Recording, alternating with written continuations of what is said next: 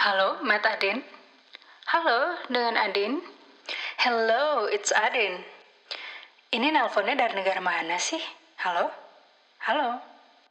Hey hey, kalian nggak salah sambung kok. Kalian lagi dengerin Halo Adin bersama host kalian Adin Lubis. Kita akan live dari berbagai negara dan mendengarkan berbagai cerita yang menginspirasi. So stay tuned. Assalamualaikum warahmatullahi wabarakatuh. Para pendengar setia podcast Halo Adin Di mana pun kalian berada Mungkin kalian sekarang lagi di bus menuju ke kantor Mungkin kalian lagi di dalam kereta Mungkin lagi sepedaan Atau juga lagi macet-macetan di dalam mobil. Nah kalian berada di tempat yang tepat Karena aku akan berusaha selalu menghadirkan tamu-tamu yang istimewa Yang menginspirasi, yang bisa berbagi cerita Nah, kali ini ada perempuan menginspirasi lagi nih. Dia adalah mantan diaspora. Kalau biasanya tamu-tamu aku adalah diaspora, yang kali ini dia sudah menjadi mantan diaspora karena sudah kembali ke Jakarta setelah lama tinggal di Turki. Dia adalah entrepreneur, dia sukses di bidang modest fashion dan banyak lagi karya-karyanya. Tapi untuk kali ini aku tidak akan memperkenalkan dia siapa karena aku akan memberikan tempat dan waktunya agar dia bisa menjelaskan kepada kita dan memberitahu siapa dia sebenarnya. Langsung aja silahkan Mbak Franka. Halo, aku Franka Surya. Aku uh, Indonesia. Uh, kemarin lama banget tinggal di Turki. Sekarang baru-baru balik lagi ke Indonesia. Jadi aku spesialisasi modest fashion. Uh, aku ada Think Fashion, uh, yaitu pencipta modest fashion week di Istanbul, London, Dubai, Jakarta, uh, Amsterdam uh, udah enam kali kita bikin event dari 2016 dan aku juga punya Marka Mari. Marka Mari adalah sebenarnya perusahaan yang aku dirikan khusus untuk memajukan uh, talent-talent dari Asia Tenggara dengan berbagai hal ya. Jadi bukan cuma modest fashion aja termasuk dari kreatif talent kayak foto, video, terus influencer dan segala macam dan juga proyek-proyek kemanusiaan. Jadi memang kenapa fokus sama Asia Tenggara karena sepanjang aku ada di uh, aku keliling keliling keliling dunia dari 2016 bikin event di berbagai negara itu aku menyadari kalau jadi orang di Asia Tenggara orang dari Asia Tenggara tuh sebenarnya kita mesti berjuang uh, dua atau tiga kali lebih kuat karena uh, gimana ya? Mungkin terutama dari Indonesia ya. Maksudnya kita negaranya mungkin orang masih agak menganggap kita tuh kurang kaya mungkin ya sebagai negara. Jadi kadang orang underestimate banget gitu loh. Jadi uh, makanya lewat Marka Mari uh, kita pengen banget sih memajukan itu uh, talent-talent dari Asia Tenggara. Jadi proyeknya macam-macam. Jadi ada yang kita multi brand kita juga ada konsultasi kita bikin komunitas kita juga apa namanya uh, bikin akademi di Malaysia namanya ASEAN Blogger Academy. Uh, yang kita pengen melahirkan influencer-influencer kuat dari Asia Tenggara. Terus juga kita bikin juga proyek uh, pemberdayaan lah ya apa uh, untuk mendukung brand lokal sama Kemenparekraf namanya Modest Fashion Founders Fund. Kita juga bikin humanity project sama apa UNHCR tahun 2019 kemarin. Dan apa project kita juga banyak. Jadi sekarang pun kita lagi uh, fokus juga untuk ngerjain project buku film dan banyak hal. Kira-kira kayak gitu. Misalnya ada orang dari Saudi mau deketin aku gitu kan mau bawa event ke sana. Pas waktu ditelepon oh ya semangat banget gitu kan pas ketemu pas tahu aku orang Indo wah ngelihat mukaku juga nggak mau menurut aku iya mungkin secara karena mereka melihatnya dari segi paspor ya dari segi kekuatan negara tapi kalau segi fashion menurut aku kita tuh lebih kuat daripada Malaysia dan orang Malaysia pun mengakui Betul. itu kita lebih maju di dunia fashion yang sebenarnya hmm. cuman mungkin karena negara kita dianggap negara ketiga yang masih lemah Betul. kayak gitu mungkin orang jadi underestimate ya negara-negara lain padahal segi fashionnya kita maju banget sebenarnya malah diversity-nya oke okay banget sih. Betul, betul. Sebenarnya aku kan memperkenalkan fashion Indonesia udah lama banget kan, udah dari zaman IFW pertama kan aku salah satu tim tim inti kan Indonesia Fashion Week pertama banget 2011, lama banget lah. Jadi waktu itu tugas aku sih sebenarnya kayak promosiin. Cuma memang uh, perspektif ya, maksudnya kayak bagusnya luar sama bagusnya sini memang beda ya. Maksudnya contoh nih aku uh, misalnya ngundang wartawan dari New York waktu itu dia bilang ah nggak mau Indonesia terlalu cultural. Gitu loh I feel uh, aku kayak alien gitu nonton semuanya misalnya batik gitu ya. Dulu zamannya zaman zaman baru ya zaman zaman baru. Jadi aku ngerasa nggak uh, mau padahal udah ditawarin tiket gitu kan gratis ke Indo gitu kan. Apa hotel anything hospitality gitu loh. Jadi di situ sih yang sebenarnya awalnya aku kayak pas keluar dari Indo nikah aku ngerasa Indonesia paling bagus nomor satu paling kreatif bla bla. Ternyata pas aku di Turki aku melihat oh memang perspektifnya beda. Jadi kalau di Turki tuh kayak fashion tuh jualan di Indo tuh masih fashion masih art. Waktu itu masih aneh banget kan Indonesia tahun 2000 berapa ya aku pindah? 2013 masih hijabers yang aneh-aneh itu loh gayanya. Jadi kayak mental gitu kan. Terus aku kan waktu itu mau promosiin brand terus kayak mental terus gitu kayak batik juga kayak bisa. Nah akhirnya dari situ aku belajar lah. Belajar banyak tentang lebih ke functionality. Kalau sekarang sih kita lihat udah ada perubahannya gitu kan. Ada banyak baju-baju Indonesia memang udah ready to wear gitu loh bisa dipakai. Cuma memang waktu zaman zaman aku baru mulai it's another thing gitu memang. Aku penasaran background Mbak uh, Franka apa emang belajar uh, seni atau belajar bisnis atau apa nih? Karena kan mungkin banyak orang yang nggak tahu juga kan. Karena orang pasti ngelihatnya cuma Mbak Franka yang sekarang. Jadi tuh uh, itu menarik banget sih. Jadi sebenarnya perjalanan aku tuh udah panjang banget di di apa di karirku. Jadi aku udah dari umur lima tahun ya. Jadi aku sebenarnya nulis semua di buku sih aku kan buku mau keluar ya. Jadi aku tuh ini apa awalnya aku lahir di dunia seni yang mana orang tua aku tuh uh, punya studio apa dulu usaha usahanya tuh film gitu ya. Hal-hal yang aneh-aneh lah kayak mupet gitu bikin film bikin dia bikin lumayan lah. Bapakku tuh agak terdepan dulu bikin macam Power Rangers bikin Star Trek. Jadi dari kecil tuh udah nggak normal. Jadi dulu aku tuh juga diajarin nulis gitu kan. Aku nulis skenario fiksi gitu. Jadi sehari harus kelar 40 halaman. Jadi aku tuh nggak nggak menghabiskan masa kecil tuh sama kayak yang lain. Jadi udah di rumah eh di kamar dikunci kamarnya belum kelar nggak boleh keluar. Pokoknya gitu deh. Habis dari sekolah aku kayak bapak kayak bapaknya Michael Jackson lah. Kalau misalnya pernah dengar cerita tentang Michael Jackson gimana cara mendidiknya kira-kira begitu. Jadi keras banget. Nah dari situ tuh belajar lah kayak bikin project dari nol. Kalau nulis kan kayak nulis episode kan kita mesti nulis dari awal kan ceritanya apa gitu kan konfliknya apa sampai selesai. Dan itu tuh dilakukan tiap hari. Jadi kayak di udah dilatih kayak bikin konsep, bikin apa-apa dari nol sampai jadi gitu loh. Begitu terus hidupku gitu kan. Terus uh, kita juga ke musik gitu kan. Aku jadi penulis lagu. Dari kecil banget lah. Jadi udah menghasilkan uang udah jual-jual lagu gitu kan. Udah gitu ke film aku belajar uh, asisten sutradara banyak banget. Sampai akhirnya aku ninggalin uh, seni banget banget karena keluarga aku bangkrut kan. Keluarga aku bangkrut. Jadi aku sebenarnya niat banget masuk esmod waktu itu pas lulus. Tiba-tiba uh, udah lama banget deh. Toto itu Krismon jadi Toto keluarga aku mendadak miskin. Akhirnya aku diha dihadapkan sama kenyataan aku harus cari duit. Nah waktu itu aku bikin skenario lagi bikin skenario. Udah 500 halaman terus udah ada stasiun TV yang tertarik. Tiba-tiba hilang lah tuh skenario. Di komputer. Di komputer hilang one day semuanya gitu kan. Jadi aku yang cuma menghabiskan uh, apa hidupku cuma untuk nulis uh, literally abis makan komputer lagi tiba-tiba nangis lah. Hilang semua abis hilang semua tiba-tiba ya udah aku nangis darah. Gimana? Aku nggak bisa nulis fiksi lagi. Nggak bisa nulis fiksi lagi. Ada aku bilang gimana saya cari duit kan buat bantu orang tua kan? Karena papaku waktu itu kayak uh, shock banget. Tiba-tiba dari dari tajir tiba-tiba jadi miskin. Jadi dia ngurung diri di kamar nggak mau keluar. Uh, my mom juga sakit. Aku bilang ya seseorang harus bergerak. Ya udah akhirnya aku ngelamar ke Kompas Gramedia untuk jadi wartawan.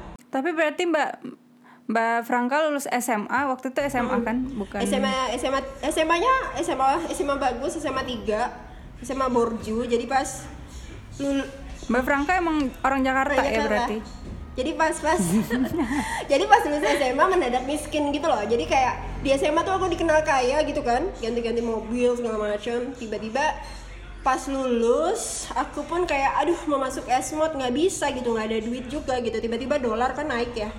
Jadi jadi mahal sekali gitu. Sampai ya udah kita punya apa? Kita punya papa punya proyektor banyak banget gitu kan. Home home theater. Jadi sempet nawarin ke esmod gitu.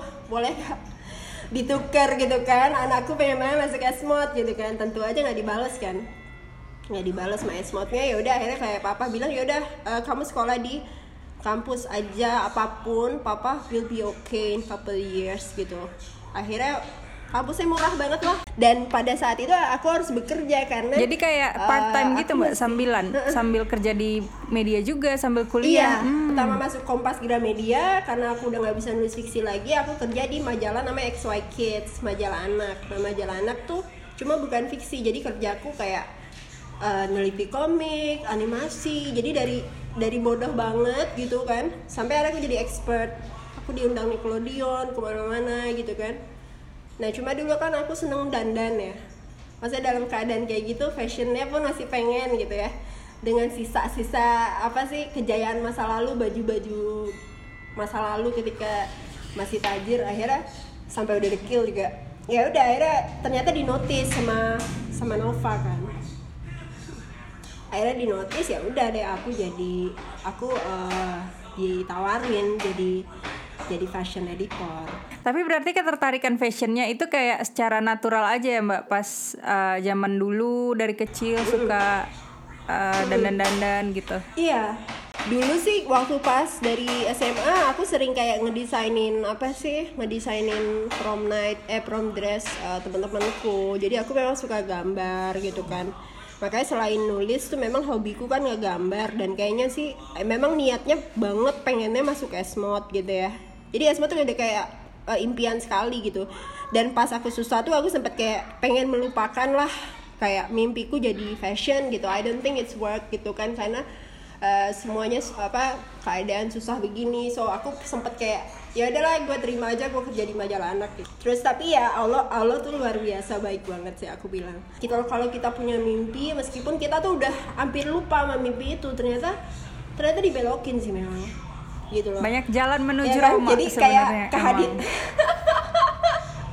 jadi aku ke kantin gitu kan Kompas Gramedia tuh kan gede jadi kayak eh, majalah banyak. Jadi aku ke kantin ya memang dari dulu kan pengen terlihatnya beda ya. Dulu sih waktu banyak duit ya apa aja gitu kan bisa gitu kan. Cuma ya udah seadanya kayak kayak eh, kayak t-shirt cuma dua puluh ribu gitu. Cuma I can make it very cute gitu. Jadi terus kayak sampai ditawarin lah jadi editor Nah dari situ dari situlah aku apa ya? Aku ngerasa di diarahin tuh. Cuma banyak lah cerita-cerita sedihnya juga kayak strugglingnya sampai akhirnya eh istilahnya aku bangkit lah dari dari dunia fashion tuh kan beda ya. Dunia fashion sekarang mungkin lebih santai. Dunia fashion dulu tuh kayak apa ya? Kayak eh, sesuatu daerah yang sangat eksklusif. If you wanna be there, lu tuh mesti proper gitu loh. Jadi kayak ada kayak kok orang fashion kok kayak gitu Franka orang fashion kayak gitu aku diketawain dibully-bully banyak banget. Dan eh, cuma aku bilang kayaknya sih yang aku makanya aku selalu bilang sebenarnya aku bisa kayak gini ya beneran Allah aja sih gitu. Mungkin Allah eh, aku aku berusaha banget nempatin diri selalu jadi kertas putih kan. Selalu jadi sampai kapan pun aku ngerasa kayak ya udah misalnya dalam keadaan ini pun ada orang nganggep oh ya Franco udah punya achievement gini-gini. Sebenarnya dalam hatiku masih biasa aja. I still feel gue ini sama aja gitu. Ya jadi kalau misalnya kayak ngeliat ada anak baru atau apa yang kayak pemalu penakut atau dia kayak sering dibully aku pengennya aku tolongin gitu. Because it reminds me of myself.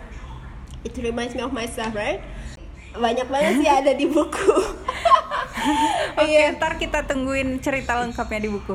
Mbak Franka tuh nikah umur berapa waktu itu? Ah, itu pun nikah tuh agak telat sebenarnya. Jadi aku telat sekali nikah. Umur berapa ya? 30-an, 30. Enggak lah, zaman Lumayan sekarang lah. 30 that's fine di Indonesia. Kalau zaman dulu mungkin udah udah greget Udah gitu greget kali ya, ya. keluarga. Ini kok nggak nikah nikah? Itu menurut aku Terus abis ah, ah, pindah ah, setelah menikah pindah ke Istanbul. menikah pindah ke Istanbul. Sebenarnya aku nggak pengen sih nikah sama orang bule dulunya. Jadi kan dulu waktu pas SMA teman-temanku suka sama bule kan. Jadi kayak oh goals pengen punya suami bule gitu kan. aku tuh enggak Yang bule-bule hunter. aku tuh enggak enggak banget sebenarnya nah makanya terus kayak orang-orang lain. beneran ya lucu banget. Jadi makanya orang-orang pun pada kaget kok Franka kamu jadi suka bule gini? Aku bilang enggak juga. Jadi aw- awalnya pengen hampir nikah sama orang Indo kan terus gagal gitulah. Bisa dibilang aku ditinggal kawin lah. Terus eh, ya udah lagi-lagi yang mempertemukan ya Allah lagi sih aku bilang. Oh iya benar lah. Allah Udah jodohnya mau gimana ya?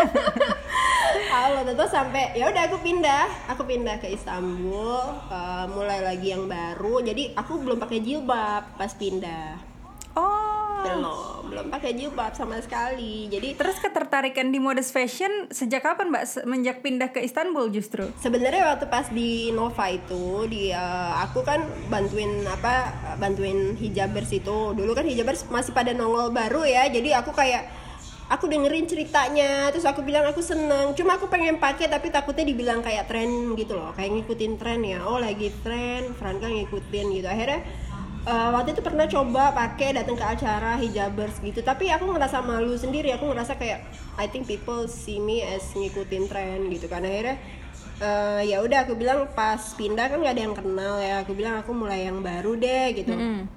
Sebenarnya sih dari sebelum pakai jilbab aku memang kehidupannya udah modest juga. Jadi dari fashion pun aku nggak pernah kayak ikut after party aku nggak pernah ngerokok aku nggak pernah mabuk atau anything negatif insya Allah aku nggak pernah. Cuma perbedaannya nggak ditutup aja kepala gitu loh.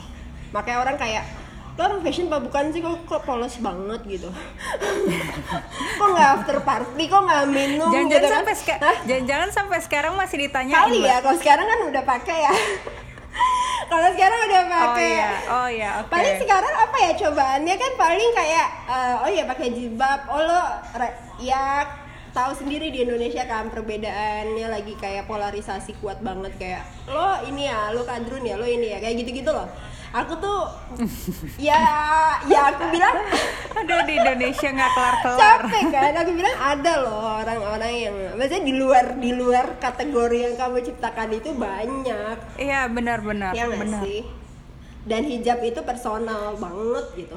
Mbak, terus kan tadi nih kayak kita omongin di awal soal uh, Asia Tenggara itu kan persaingannya berat banget ya buat kita. Itu kita kalau keluar kalau Mbak Franka di Istanbul aja kali mungkin udah jadi uh, minoritas di dalam minoritas kali ya aku nggak tahu. Atau mungkin mungkin di Istanbul enggak lah ya karena banyak muslimnya. Tapi mungkin pas ke Eropa ke negara-negara non muslim itu gimana Mbak? Coba ceritain uh, pengalaman Mbak Franka pernah pernah dibully pernah merasa didiskriminasi atau direndahkan? Karena kan kita ngelihat ya bahkan di Modest Fashion Week yang Mbak Franka bikin sendiri pun kita sering ngelihat mukanya kayak sama semua mereka kayak muka-muka kayak kita ini yang mata-matanya sipit agak-agak kurang gitu. Iya, betul yang kita lihat.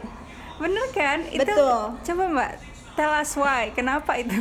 sebenarnya kan apa lucu banget jadi abis aku udah berhasil menyesuaikan diri jadi kan waktu pas pertama datang orang nggak terlalu tahu kan Indonesia tuh apa gitu kan jadi udah lama sih sekarang mah udah pada tahu ya. Jadi kayak sempat sempat ada kayak pertanyaan oh ya ada Coca Cola nggak? Gitu-gitu loh. Nyebelin kan aku bilang.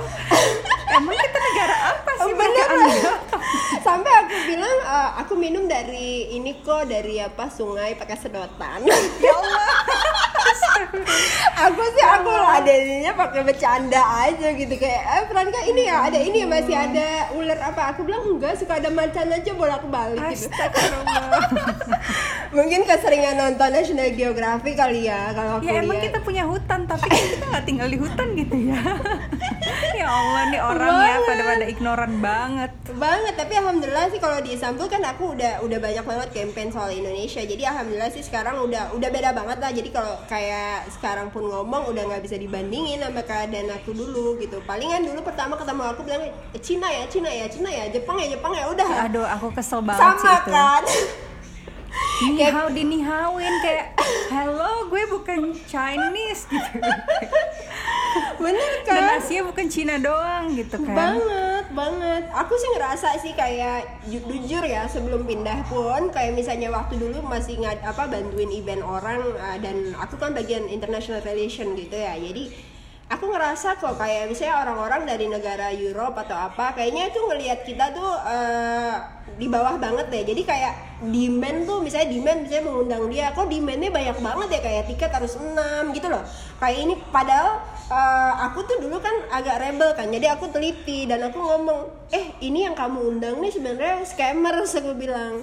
Atau orangnya tuh nggak nggak banget sebenarnya. Aku kan aku kan jurnalis ya jadi aku teliti gitu. Cuma kayak kadang orang Indonesia ngelihat ada bule dikit memang langsung kayak ya udah uh, tunduk aja gitu loh pada pada Iya. zaman aku ya ngerti kan Nah tapi kan itu permasalahannya kan mbak Eh, Ketika orang-orang misalnya bilang kita tuh diskriminasi Sebenarnya kita yang mendiskriminasi diri kita sendiri Kita merasa orang-orang kulit putih itu lebih bagus Betul. Atau udah secara otomatis lebih pintar Why? Belum Betul tentu nggak? Bisa jadi Betul kita nggak? lebih banyak pengalaman dan eko- eh, edukasi kita lebih tinggi Jadi aku tuh Betul. kadang suka keselnya itu. Orang-orang itu membuat masalahnya sendiri sebenarnya nggak sih?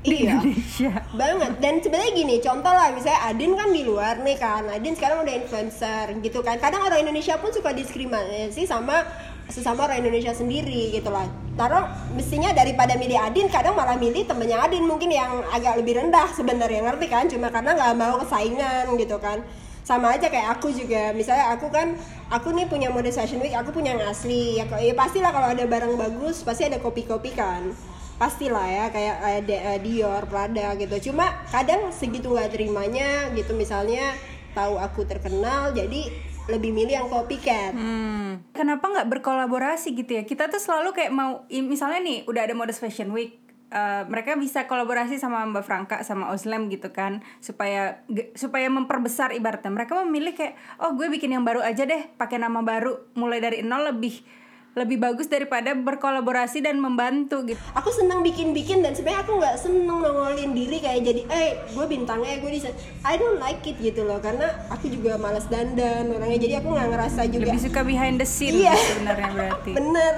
Dan aku senang majuin orang kayak dari Modest Fashion Week sendiri contoh dari influencer aja dari zaman Istanbul, zaman jebol. Udah banyak banget kayak lulusan kita yang udah jadi gitu dan dan aku emang seneng banget bantuin orang. Jadi kayak ngelihat ada orang kayak ngerasa kesaingan tuh lucu gitu. Because I said I'm not the star anyway. You are the designer right? You are good right? Uh, you are the influencers you are you're the media or something. Kenapa sih nggak nggak ya udah sih gitu kan. Contoh nih Adin bagus di influencing gitu kan. Aku misalnya aku bag- aku bagus di creating something gitu ya.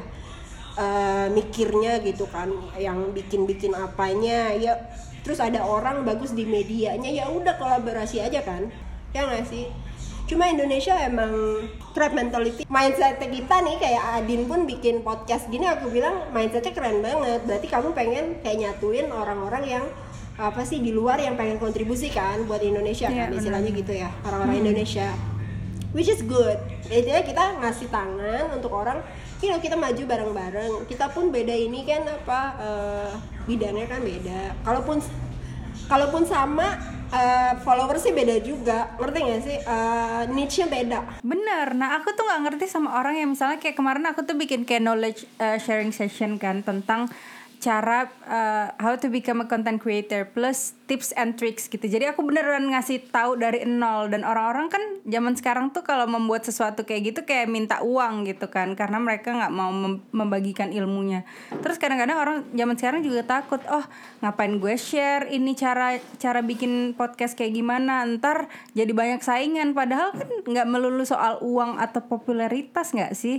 Cuman kayaknya orang-orang sekarang emang lebih fokusnya ke situ. Jadi makanya banyak konten yang juga isinya crap gitu ya yang isinya cuman eh, prank lah apalah bener banget. Dan kayaknya sebe- sebenarnya sekarang dengan dengan aku bilang kan gini ya zamannya dulu belum sosmed kan istilahnya kita mau terkenal kita harus ikut audisi ya. Maksudnya kalau aku dulu dulu dari dunia hiburan aku tau lah kayak misalnya audisi masuk film audisi mau jadi penyanyi gitu kan. Banyak banget dan itu painful banget gitu painful banget. Sementara dengan adanya sosial media everybody has the same right. Cuma sebenarnya yang kurang lupa eh, kurang diajarin adalah eh uh, you know mental kamu siap gak sih? Begitu kamu dikenal gitu kan. Terus etikanya gimana sih? Ya gak sih karena kayak fame itu aku bilang fame kalau di tangan orang yang salah itu apa ya bisa distraktif juga Dan tergantung niat dan tujuan juga sih mau apa sebenarnya di sosial media. Kalau memang cuman mau populer doang ya itu pasti akan mengalami hal-hal kayak gitu sih, Mbak. betul betul banget jadi eh, makanya kayak aku aku bilang orang-orang dengan influence bagus itu harus lebih dikasih kayak ruang untuk maju ya kalau dari aku pribadi kayak aku punya modest fashion week aku tuh pengen banget maksudnya ya udah yang positif positif ini yang aku dulu tuh kayak lebih kayak oh angka lu berapa? Jadi dulu waktu modest fashion week pertama kita ngundang kayak sekitar 30 influencer. Dulu waktu awal kan kita keluar duit ya untuk ngundang influencer. Parah banget deh Eh, karena namanya masih baru ya. Dan itu cuma kayak men kayak akhirnya angka tuh nggak nggak segalanya gitu. You you see someone yang kamu lihat kayaknya sweet banget lucu banget di sosmed begitu pas akhirnya ketemu men nyebelin sekali gitu nyebelin banget. Dan kayaknya pada saat itu pun aku tawarin ke media kan. Jadi aku pikir oh ya angka gede-gede gini akan menarik media. Ternyata media pun nggak kenal. Jadi kayak jadi media kan banyak banget tuh waktu di eventku pertama kan. Ada Washington Post, New York, uh, New York Times. Terus kayak aku bilang ah ini wawancara si ini dia angkanya segini. Terus kayak siapa siapa? Malah lebih kayak yang oh ya ada hi, hi, hijabi yang bikin hijab apa Barbie pakai hijab. Oh malah malah tertarik. Oh oh ada si Maria Idrisi yang waktu itu dia baru banget masuk H&M aku ajakin apa eh, di Istanbul kan event pertama dia. Dan itu di jadi wartawan langsung nangkep tuh beritanya. Terus si Nur Taguri juga tau gak sih Nur Taguri Iya, Nur yang dari. Hmm, dia tuh waktu Amerika. pertama kali ya pertama kali aku rengkuh belum terkenal. Bisa dibilang masih eh, bionya masih aspiring jurnalis gitu lah Hmm. masih aspiring. Eh, terus eh, dia ketemu banyak media di tempat aku gitu kan. Nah ada beberapa angka-angka apa influencer yang angkanya gede banget tapi eh attitude-nya parah eh.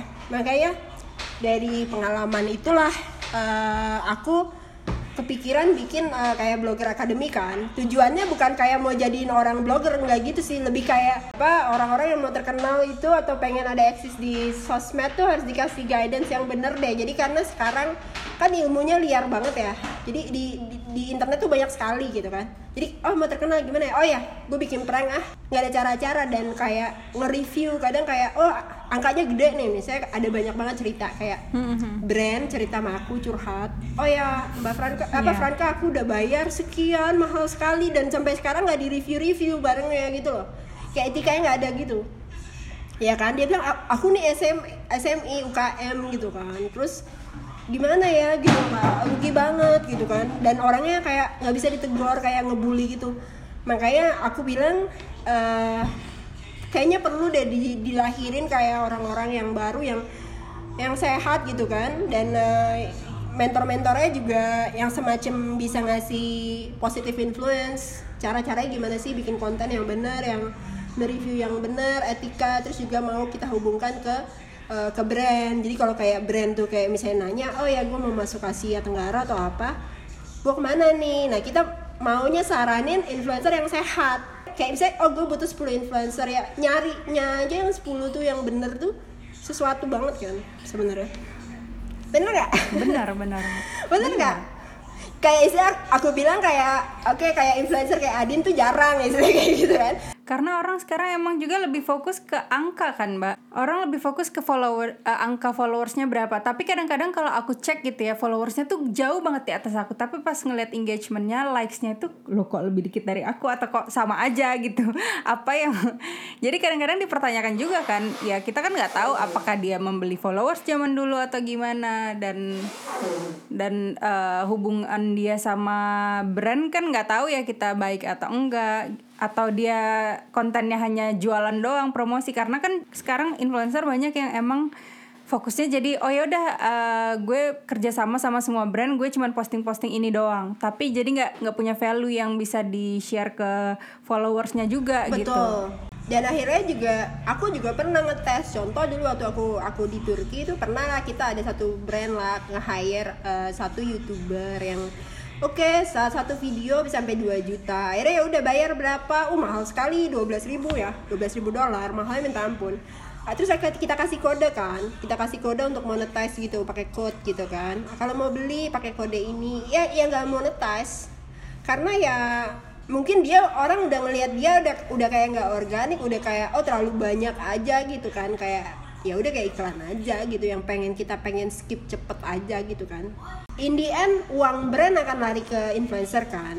Ngerti nggak? Cuma eh, bagian tanggung jawab dari kita aja eh, kita coba ikut menjaga agar jangan sampai orang jadi anti influencer gitu loh ngerti nggak sih? Ya, banyak banget yang udah mencoreng nama baik kan influencer gitu loh ya nggak sih kayak eh, ya ya minta duitnya tapi nggak di review atau misalnya attitude-nya entitled tau gak sih entitled? Kayak ngerasa oh gue spesial banget deh so so lo masih service gue banget istilahnya gitu kan. Udah service banget aku pernah punya pengalaman kok. Aku pernah pengalaman. Jadi aku udah satu brand bayar eh, brandnya besar dan dia kayak nge-hire influencer gede gitu bayar 6000 dolar lah. 6000 dolar dijanjiin tiga post kan. Nah itu yang di post cuma dua. Terus tiba-tiba out of nowhere besoknya dihapus semua fitnya. Karena katanya aku mau aku mau ganti gaya gitu loh mau ganti gaya paham gak sih? Kayak terus brand itu gimana gitu? Maksudnya kan kamu udah terima duitnya posting cuma dua abis itu tetap dihapus semua lagi. Kamu fitnya dimulai dari yang baru. Jadi gimana itu? Nah itu dia sih. Karena kan eh, kalau misalnya yang perjanjiannya kayak cuman beberapa pos itu kan nggak hitam di atas putih kan mbak? Nggak ada kontraknya. Itu sebenarnya si dari kedua belah pihak harus jelas sebenarnya ngasih kayak terms oh ya harga sekian aku hanya keep untuk dua minggu atau untuk sebulan. Jangan kayak merasa semua brand itu paham. Karena kan semua orang punya punya ini ya maksudnya rulesnya berbeda karena kan Instagram itu social media itu sekarang kan kayak media ya. Jadi kita aja misalnya mau bayar di Kompas tuh kan bah- ma- mahal banget kalau mau bikin advertisement gitu kan, which is kecil banget itu zaman dulu terus cuman satu hari kan.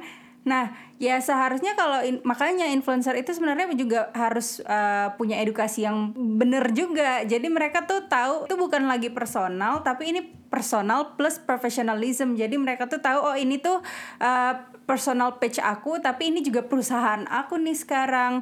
Jadi aku harus jelas nih ngomong ke uh, sebuah brand yang mau meng-hire aku. Oh ya ini aku akan keep tiga postingan selama satu bulan. Karena banyak juga mbak brand zaman sekarang tuh yang misuse influencers yang mungkin nggak terlalu gede kan. Jadi kayak misalnya mereka bilang ini harus di keep setahun ya? Lah lu enak-enak aja. Lu bayar gue cuma berapa lu minta setahun. Nah harus bisa harus pintar-pintar negosiasi dong ya kan? Harus bisa diplomasi. Kalau engge-engge wae atau kayak diem-diem aja terus tiba-tiba main hapus itu kan nggak etis banget kan sebenarnya. Iya, kayak misalnya waktu itu kan dia hapusnya pun belum sampai seminggu juga dan sebenarnya kayak waktu itu harusnya tiga, dia posting cuma dua dan waktu itu lucunya ya alasan dia menghapus karena influencer kan kadang ada, beberapa influencer yang memang kurang dewasa ya. Jadi memang mood dia aja kayak mungkin dia baru putus atau apa ngerti kan?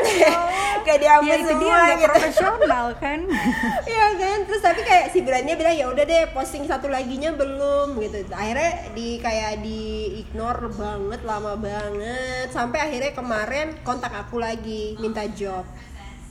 Terus aku kayak ya Jadi berarti eh, banyak lah ya yang via-via Mbak Franka yang minta job baik dari influencer ataupun brand yang mencari influencer gitu-gitu. ada juga Udah makanan sama Iya, cari lah ya. aku saya penghubung ya makanya aku bilang aku kayak apa sih eh, trafficnya orang gitu kan modest fashion oh ya ada yang mau nyari influencer kadang nanya ke aku kadang ada yang apa sih eh, ya istilahnya semua juga aku bilang tak kenal maka kata sayang ya kayak misalnya dulu ada eh, ada banyak banget kayak influencer yang tadinya angkanya masih kecil gitu kan. Kayak ada eh, influencer dari Australia contoh lah dia dia dia nggak terkenal gitu kan. Bukan nggak terkenal dia terkenal tapi cuma di Australia doang di negara lain enggak akhirnya datanglah kayak event aku kan. Nah dari situlah langsung gila dia. Langsung jadi global influencer angkanya naik cepet sekali. Gitu loh. Karena kan kita kasih platform ya kita kenalin kan. Makanya aku bilang kan tak kenal maka tak sayang kan. Makanya kayak kesempatan kayak ngenalin orang ngenalin jadi kayak aku nih sekarang lebih hati-hati nih orang yang aku kenalin nih harus responsibel kayak gitu kan. Karena eh, basically sih aku pribadi mau bantu aja sih mau mau bantu mau menciptakan situasi yang sehat ya karena di modest fashion nih ya ada event kopi ada influencer begini banyak banget gitu dramanya gitu. Dan aku rasa kalau orang muak udah sebel ditinggalin aja gitu. Dan perspektif aku ya industri ini harus bertahan lama karena kan kita nggak mau jadi tren doang kan. Tren toto misalnya tahun depan udah nggak lagi. Akhirnya kayak pengusaha-pengusaha yang emang serius kehilangan ininya dan influencer aja udah banyak yang copot kan jilbab. Kamu tahu kan? Sedih kan? Itu sangat disayangkan sekali sih karena ibaratnya mereka yang tadinya juga ikut fight bareng kita gitu ya terutama ya pasti yang mereka tuh yang di dari negara barat gitu ya me, me- apa ya kayak mengusahakan hak-hak kita sebagai perempuan berhijab tapi sekarang mereka udah nggak ikutan berjuang lagi dong karena percuma mereka ngomong yang secara visual mereka juga nggak akan didengar lagi sama orang-orang setempat atau government. Karena akhirnya mereka malah sebenarnya se- yang disayangkan itu mereka dijadikan apa ya kayak eh, kambing hitam sebenarnya sama government mereka akan bilang lihat aja tuh temen lo yang dulunya eh, koar-koar juga sekarang dia udah buka kenapa lo nggak buka aja? Nah itu yang disayangkan. Kita misalnya mau kerja di sini ditawarin buka aja deh jil- eh, jilbabnya terus ntar kita bilang ya nggak bisa ini identitas kita ini bla bla bla segala macem. Tapi mereka akan bilang loh itu temen kamu aja udah buka ngapain sih kamu mempertahankan itu? Nah itu dia yang kayak jadi lah lo ngapain dulu koar-koar sih kalau lo akhirnya akan give up gitu kan? Jadi semakin menyusahkan para hijabi yang terus mempertahankan sih yang itu yang yang menyedihkannya. Karena itu ya personal choice ya. Itu kita nggak mau komentar lah. Cuman eh, efeknya ya ke kita gitu yang ses- sesama di Eropa gitu misalnya. Ya akhirnya sampai aku yang curhat mulai dari cerita perjuangan Mbak Franka dari di atas ke bawah pokoknya banyak naik turunnya dan beneran kayak roller coaster sampai akhirnya berada di posisi yang sekarang. Pokoknya Masya Allah banget lah. Terima kasih Mbak Franka udah sharing tentang perjalanan hidupnya Dan visi misinya untuk apa ya dunia fashion Terutama modest fashion di Indonesia. Semoga sukses selalu dan semoga kita orang Indonesia semakin berjaya di mata internasional Mulai dari influencersnya, eh, model, eh, designers, eh, bahkan IO ataupun entrepreneurnya Pokoknya Semoga eh, Mbak Franka, aku dan kita semua bisa menjadi bagian yang mengharumkan nama bangsa ya.